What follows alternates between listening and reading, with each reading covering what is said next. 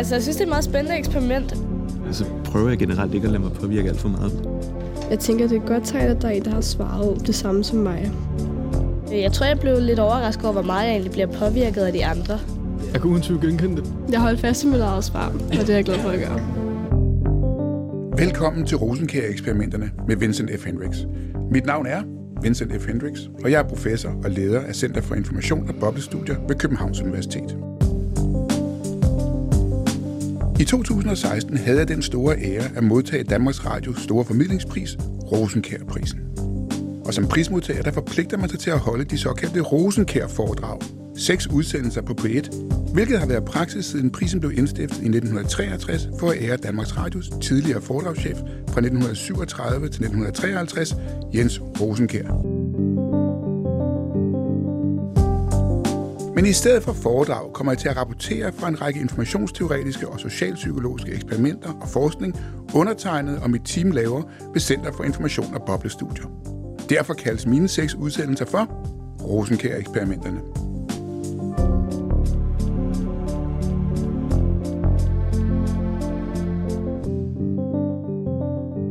Som nævnt, så hedder dette første program, er du klogere end de andre?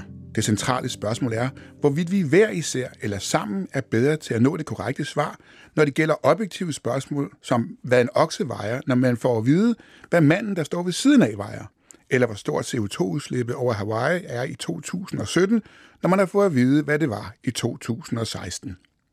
Forholder det sig sådan, at vi er bedre til at give det korrekte svar på disse objektive spørgsmål, individuelt, eller er gruppen kollektivt bedre, hvis man beregner gennemsnittet af, hvad gruppens medlemmer har gættet på? Yderligere, om individet eller gruppen er klogere, kan også være betinget af, hvilke slags spørgsmål bliver genstand for besvarelse. Bliver spørgsmålet mindre objektivt, som hvad en rimelig pris på en fadøl eller helt subjektivt, som eksempelvis, hvor tørstig er du netop nu på en skala fra 0 til 100, hvor 0 er slet ikke tørstig, mens 100 er døende, er vi så bedre individuelt eller som gruppe? Når gruppen er klogere end individet, taler man om en effekt, der kaldes wisdom of crowds. Wisdom of crowds har vist sig væsentlige i mange erkendelsesmæssige anlægner, når man skal samarbejde, som eksempelvis i fodgængeradfærd, og når mennesker skal koordinere, eksempelvis i finansielle sammenhænge på frie markeder. Robin Engelhardt er forsker ved Center for Information og Boblestudier og står i spidsen for at udvikle de spil eller de eksperimenter, der undersøger de informationsteoretiske og socialpsykologiske fænomener, som Rosenkær-eksperimenterne i al væsentlighed omhandler. Jeg har inviteret Robin i studiet til at diskutere Wisdom of Crowds. Velkommen til dig, Robin. Mange tak, Vincent. Robin, hvad fik dig egentlig til at tænke på at udvikle de eksperimenter? Åh, oh, jamen, øh, jeg fandt jo ud af, at I lavede noget ret spændende forskning her på centret, og tænkte, at der mangler øh, nogle rigtig gode øh, empiriske undersøgelser af, hvad det er, der så faktisk sker, når folk sidder og overvejer ting, og øh, prøver at vurdere og estimere, og prøver at forhandle sig til viden.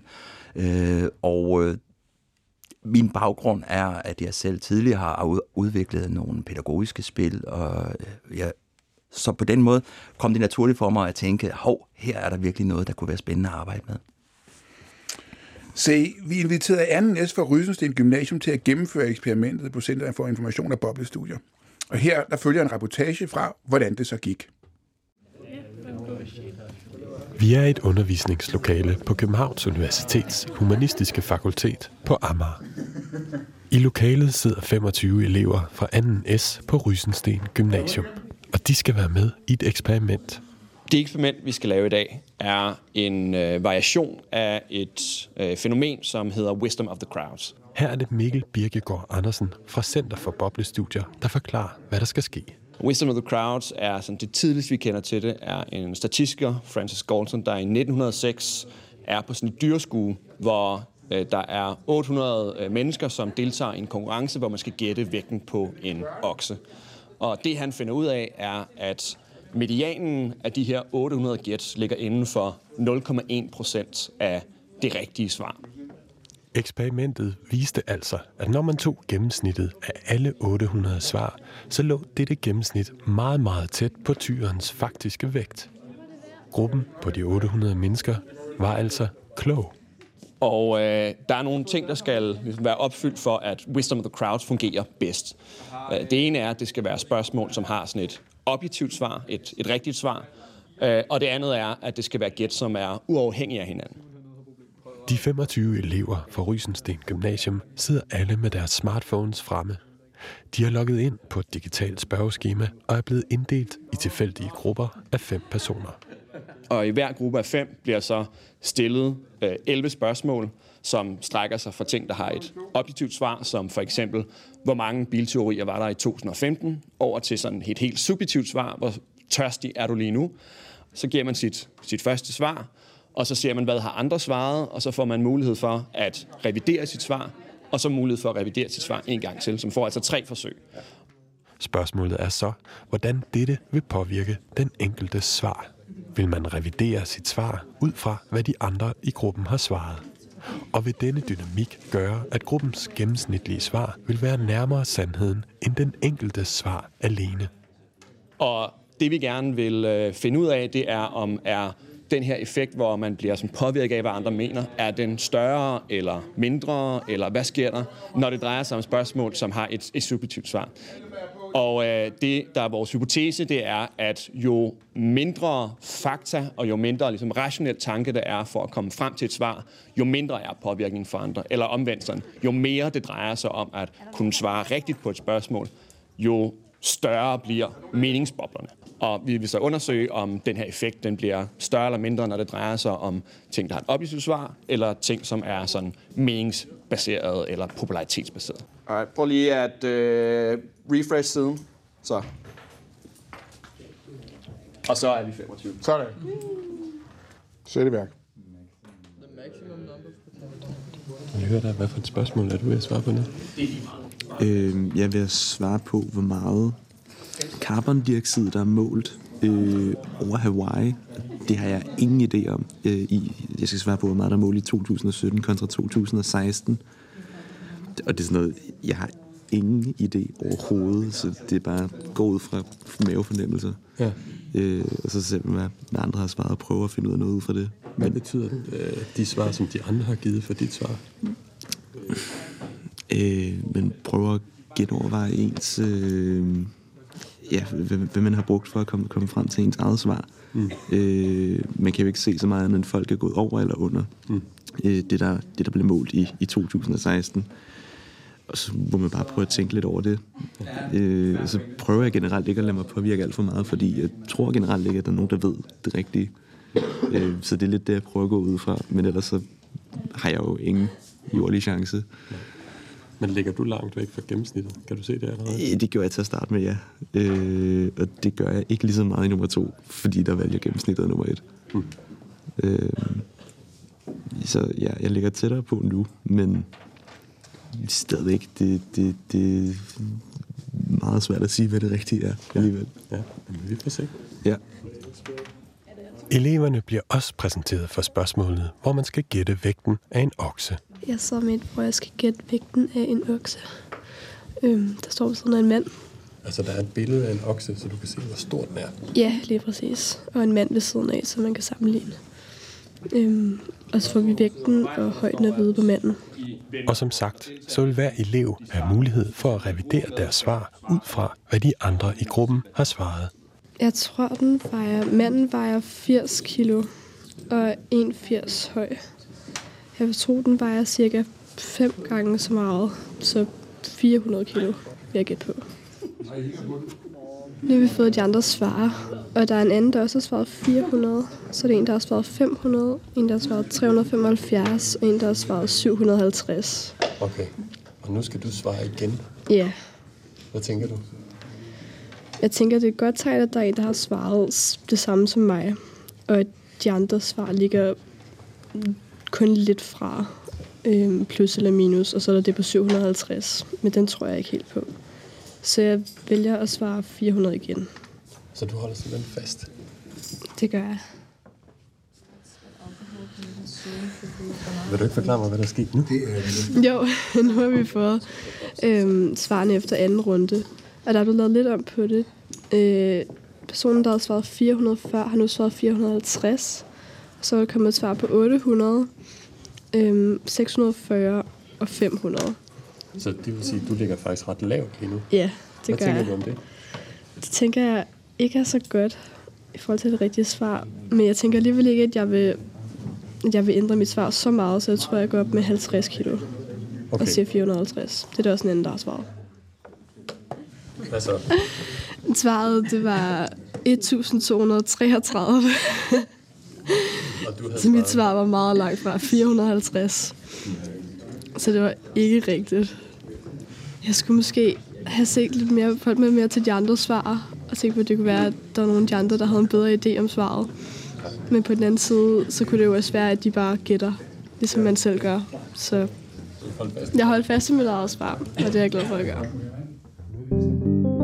Det her er Rosenkær-eksperimenterne på P1, hvor vi undersøger, hvordan danskere reagerer på social påvirkning. Dagens eksperiment handler om, hvem der er klogest. Individet eller flokken, og dagens gæst er Robin Engelhardt.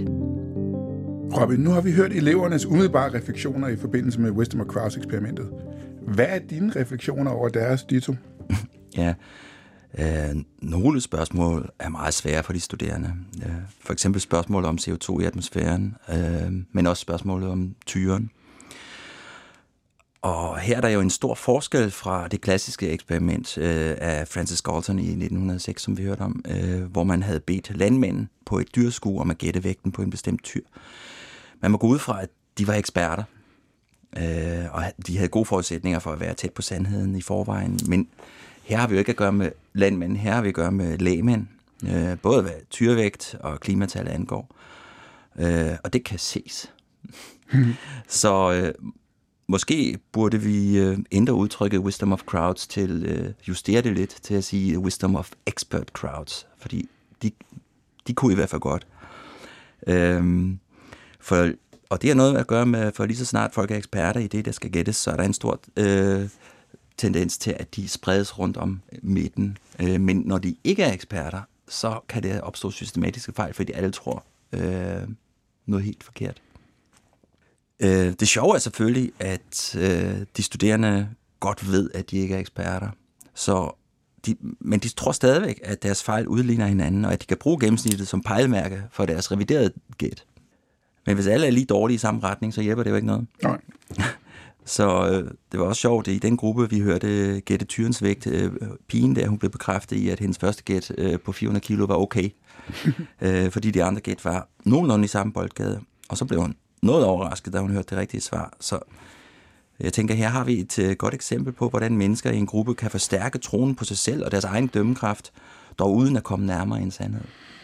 Så det betyder så også, Robin, at øh, hvis man starter forkert ud kollektivt, så kan man også godt ende forkert ud kollektivt, og så får du ikke wisdom of crowd-effekten. simpelthen. Fuldstændig, og man kan ende ud i, øh, forkert endnu mere, end, end det var i forvejen. Ikke? Så.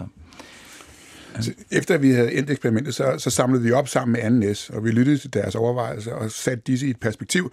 Eksempelvis når det gælder adfærd på nettet og sociale medier. Og så her er faktisk, hvad vi kom frem til.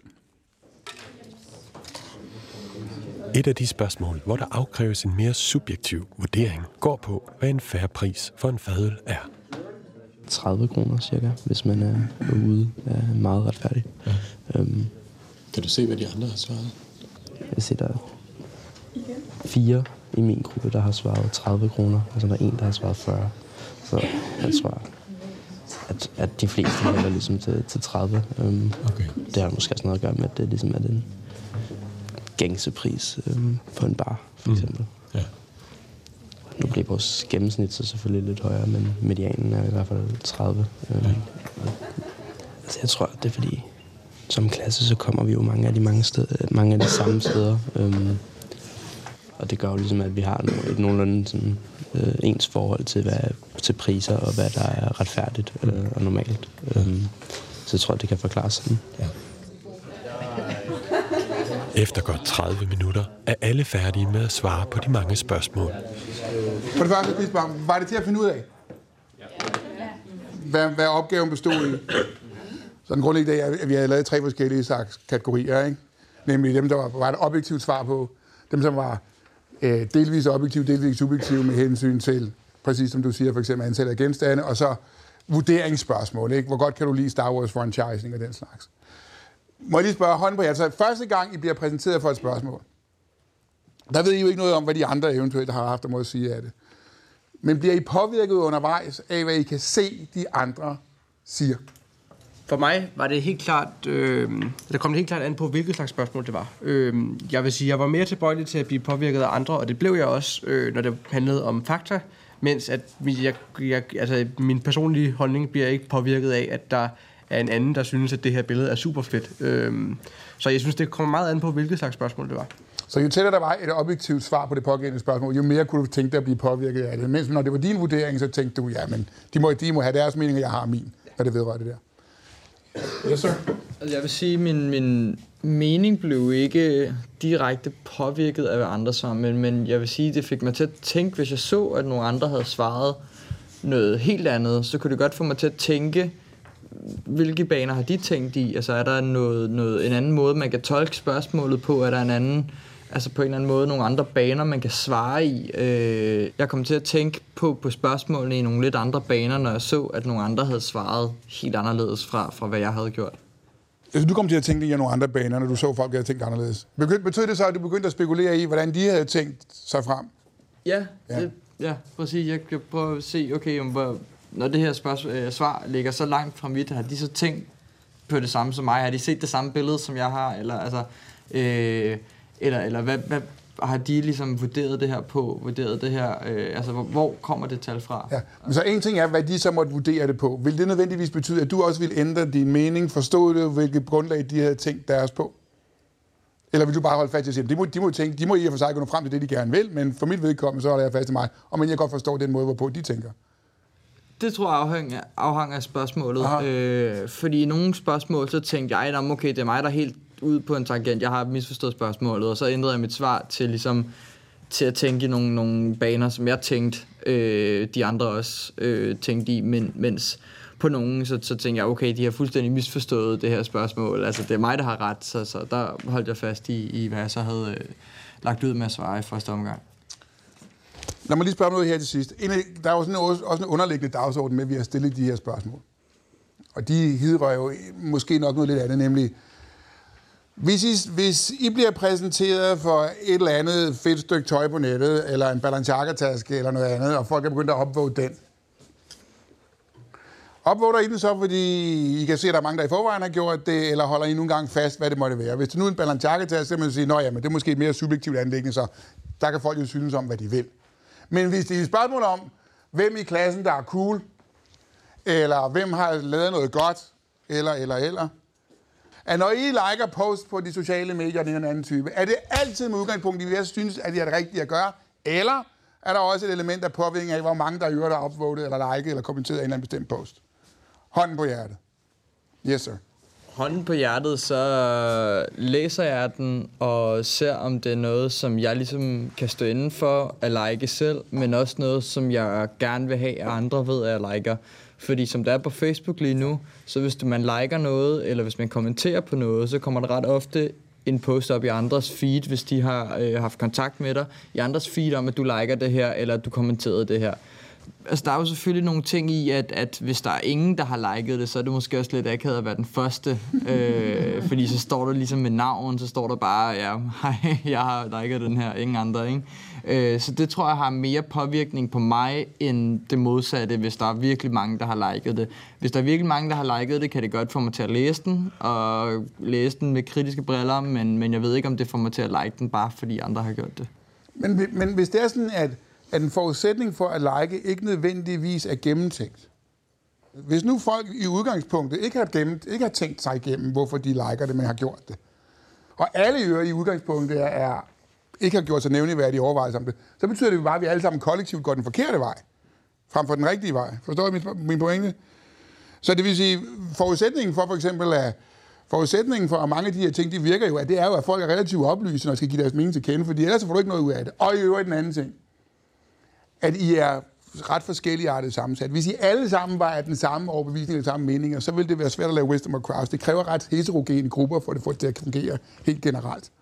Men, og så, og, så det betyder altså, at når man, hvis man skal tænke lidt over det her, og hvis man skal være lidt moraliserende omkring det her, hvis man bare går ind og, og, og liker det, øh, fordi man synes, det er sjovt, og ikke har noget selvstændigt argument for det, så kan der jo rigtig mange, der synes, der er noget, der er sjovt, selvom det er forkert, eller usandt, eller går ud over nogle andre. Men eftersom min mening ikke koster særlig meget, what difference does it make? Men I har jo allerede, I har jo allerede været, været vidne til her, at I bliver jo påvirket af, hvad andre gør. Og det betyder bare, at megafonen bliver stærkere og stærkere, jo flere der så at sige melder ind. Så hvis I ikke begynder at spekulere i, hver gang I afgiver jeres mening, så afgiver I faktisk, så investerer I jo i at få sig jeres mening. Og hvis I ikke har noget godt argument for det, skal man så altid gøre det. Nu er der sandwiches til jer, rødder. Tusind tak, fordi I vil være med. Jeg håber, I kunne bruge det. Jeg synes, det var sjovt. Øh, altså, jeg synes, det er et meget spændende eksperiment, øh, det her med, øh, hvordan vi reagerer, øh, når vi hører andres meninger.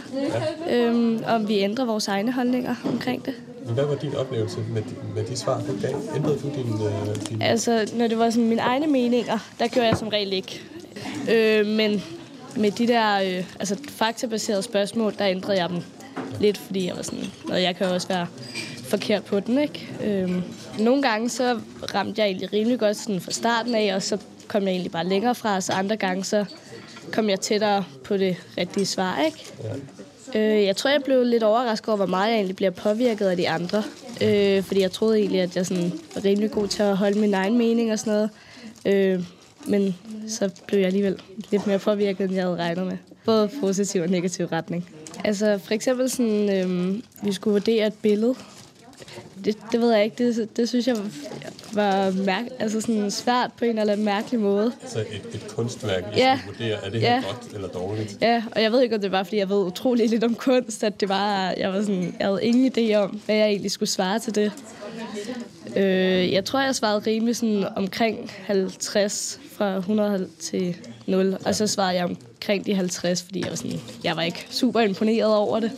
Men det virkede som om de andre synes helt, det var et okay maleri, øh, så gik jeg også lidt højere. så maleriet blev faktisk bedre og bedre ja. i forhold til, hvad de andre svarede. Ja, det gjorde det. Det var meget interessant. Ja. ja. Øhm, specielt de faktuelle spørgsmål, øhm, hvor det var ens egen holdning, der var jeg ret sikker på min holdning, og der stod jeg ligesom fast ved det. Men når der var et faktuelt svar, så lod jeg mig påvirke af, hvad de andre svarede ret drastisk, hvis, de var, hvis der svar var meget langt væk fra mine. Jeg kunne uden tvivl genkende det, fordi hvis jeg, jeg tænkte nemlig på et eksempel omkring, at øh, hvis du liker noget på Instagram, så kan, du ikke, så kan dine venner ikke se, at du har liket det, medmindre de får det samme opslag op, så kan de se, at du har liket det, men de kommer ikke frem, at du har liket det, som det gør på Facebook. Og derfor er jeg meget mere øh, påpasselig omkring, hvad jeg liker på Facebook, end hvad jeg liker på Instagram for eksempel. Så det, jeg kunne helt klart se, at det påvirker en, og at andre kan se, hvad man svarer. Det betyder, at jeg sådan, tænker mere over, om, om andre folk behøver at se det her, jeg liker, eller om jeg kan nøjes med bare selv og synes, det er sjovt, og så scrolle videre, uden at behøve at give min mening til kende omkring det. Fordi at det måske kan være, at det vil støde nogen, eller nogen synes noget andet, og måske at blive uvenner med dem af den grund. Når man ligesom går ind, og man skal vurdere, om det er noget, man liker, så er det også helt klart, hvis jeg liker en, en øh, artikel fra politikken, så gør jeg det nok, fordi jeg har læst, øh, læst artiklen, og så tænker jeg, okay, synes jeg, er jeg enig med det her? Men hvis det er noget, mine venner lægger op, så har jeg en tendens til måske bare at like det, fordi også for at støtte dem socialt, eller støtte op om gruppen. Øhm, og også hvis der er nogen, der protesterer. Vi havde her sidste år, hvor at, øh, skolen vi lavede undervisningsnedlæggelse, og der var jeg ikke, jeg var ikke gået med til det, men det gjorde, jeg kom mødte ikke op på skolen, fordi at det var sådan, at ja, der var ikke noget undervisning, og de andre var også, vi møder ikke op på skolen som gruppe. Ja. Og så følger man også gruppen der. Øhm. Så du var egentlig imod, at man nedlagde? Det var jeg egentlig, men jeg gik med, fordi at det var det resten af gruppen også. Øhm, også fordi jeg kunne da også se, at fra starten af var jeg meget mod det, og til slut så var det også meget mere med det, end jeg, selvom jeg stadig var imod det. Ja. Spørgsmålet er nu, hvordan eleverne fra Rysensten Gymnasiums anden næst klarede sig individuelt og kollektivt, når de skulle vurdere objektive, delvis subjektive og helt subjektive spørgsmål. Eksperimentet skal tages med en del videnskabelige forbehold. Mest betydeligt, at testgruppen var lille og datasættet hermed begrænset. Ikke desto mindre. Lad os høre, hvad Robin Engelhardt fra Center for Information og Boblestudier kan berette af resultater. Der var en del overraskelser, som vi faktisk havde regnet lidt med ville ske, men som ikke desto mindre er ganske slående. Punkt 1. Wisdom of Crowds-effekten var ikke til stede i eksperimentet. Hverken gennemsnittet eller medianen var tættere på sandheden, end en tilfældig deltager var det. Det vil sige, at hvis en tilfældig diktator skulle gætte på gruppens vegne, ville han eller hun ikke være dårligere til det end en konsensusbeslutning efter alle lange diskussioner. Mm-hmm. Punkt 2. Jeg nævnte før, at wisdom of crowds-effekten måske ikke virkede så godt her, fordi spørgsmålene krævede baggrundsviden. Vi prøvede uh, derfor at måle, hvor svære spørgsmålene var ved at spørge deltagerne selv, hvor svært de synes spørgsmålene var. Og det viste sig sjovt nok, at de var dårligst til at estimere det spørgsmål, som, var, som de selv troede var det letteste. Moralen må være, at vi ofte ikke er særlig gode til at selv at vurdere, hvad der er let og hvad der er svært. Punkt 3. Sociale påvirkninger. Måske skulle vi omdøbe Wisdom of Crowds-effekten til Worsdom of Crowds-effekten. Fordi når de studerende fik lov til at gætte igen efter at have set de andre gæt i deres gruppe, blev det ikke bedre. Tværtimod blev det ofte værre.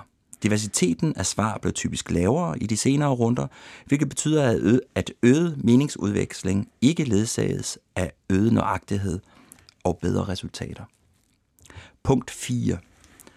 Folk påvirkes mere af hinanden, når man estimerer fakta, end når man skal afgive subjektive domme. Spørgsmål, som kun var delvist objektiv, lå midt imellem disse to ekstremer. Så den måske overraskende konklusion af eksperimentet her må være, at meningsbobler har nemmest ved at blive dannet, når man diskuterer spørgsmål med objektive svar, og ikke når man diskuterer subjektive spørgsmål om individuelle præferencer. Og Robin, hvad kan vi lære af det her? Ja, men altså, Øh, her må jeg sige, at resultatet er rimelig nyt øh, i forhold til, hvad man sådan ellers går og taler om i forskningsverdenen, hvor man undersøger meningspåvirkning, modefænomener osv. Og der har man for eksempel vist, hvor nemt det er for folk til at ændre deres præferencer for musik, for tøj, eller hvornår man liker og ikke liker noget på Facebook. Forskning har generelt ikke kigget særlig meget på, hvor meget nemmere det tydeligvis er at få folk til at ændre deres mening om fakta. Og det er jo interessant. Øh, for det fortæller, at meningsbobler har nemmere ved at dannes i forbindelse med faktuelle eller objektive spørgsmål, end de har i forbindelse med subjektive spørgsmål. Fakta er med andre ord mere boblefølsomme end meninger. Det spiller så ind i spørgsmålet om det postfaktuelle samfund, som øh, du har talt meget om, Vincent, fordi det kan bidrage til en forklaring på, øh, hvorfor det er, blevet, det er blevet så svært for en ekspert at gøre sig gældende i en øh, offentlig diskussion, hvor alle har ret til deres egne meninger, eller ret til deres egne fakta. Så øh, vi hørte jo selv, hvordan nogle af deltagerne her af mangel på præcision udviklede en slags stolthed over trods alt at have holdt fast i deres fejlestimater. Således blev det, Robin. Se, vi kunne ikke eftervise Wisdom of Crowd sammen med Rysensten Gymnasiums 2. S. Og det kan man andet hænge sammen med, at en række betingelser helt generelt skal være opfyldt for, at Wisdom of Crowds det virker. For det første, der skal der være en meningsmæssig diversitet. Altså alle skal hver især have deres egen private information, og som Robin så antyder, måske ovenikøbet faktisk ekspertmæssig information. Nummer to, der skal være et element af uafhængighed. Menneskers meninger skal ikke være bestemt af dem i deres umiddelbare miljø. Ellers har man tendens til at konvergere mod konsensus, som vi også så det i vores eksperimenter. Og så skal der være et element af decentralisering. Altså, mennesker skal have specialiseret deres viden individuelt, og må ikke trække, så at sige, på samme videnskilde. Og så endeligt, så skal der være aggregering. Det betyder, at de private vurderinger skal kunne sammensættes til en kollektiv vurdering. Ikke desto mindre, så fik vi gjort os andre erfaringer, der i al væsentlighed tydeliggør, at vores tænkning og vurderinger påvirkes af andre. Så det næste program i rækken af Rosenkær-eksperimenter hedder præcis Påvirkes din tænkning af andre? Og som titlen antyder, der handler programmet om, i hvilken grad vores tænkning og adfærd påvirkes af vores medmennesker.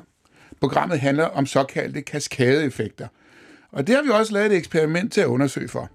Lyt med i anden ombæring af Rosenkjær-eksperimenterne med Vincent F. Hendricks. Tak til Robin Engelhardt, tak til Rysensten Gymnasium.